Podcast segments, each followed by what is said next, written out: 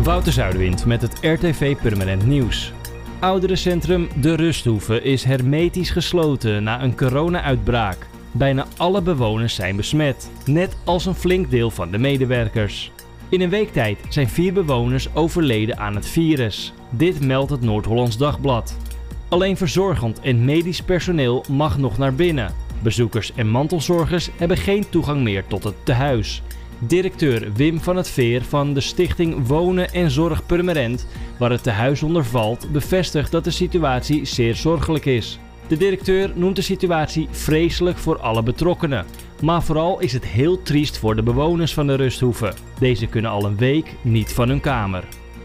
De stadsverwarming Purmerend houdt er rekening mee dat een korte afwijking van het hoogspanningsnet op 9 december vorig jaar heeft gezorgd voor een storing aan een schakelaar met als gevolg de brand in het transformatorhuisje aan de verbindingsweg. Nader onderzoek door de stadsverwarming en Liander moet uitwijzen of dat inderdaad de oorzaak van de brand was. Dat schrijft wethouder Mario Hegger in een memo aan de gemeenteraad.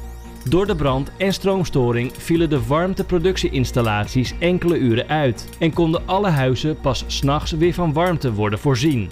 Het hele transformatorhuisje is inmiddels vervangen.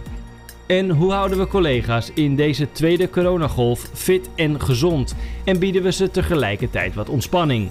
Een projectgroep van het Dijklander ziekenhuis ging met deze vragen aan de slag en kreeg vanuit de Beemster onverwachte steun. Visit Beemster stelde een pakket aan vouchers met uitjes in de Beemster samen voor meer dan 150 ziekenhuismedewerkers. Met het beschikbaar stellen van dit pakket wordt het personeel van het Dijklander bedankt voor hun geleverde zorg. Voor meer nieuws, kijk of luister je natuurlijk naar RTV Purmerend, volg ons op de socials of ga je naar rtvpurmerend.nl.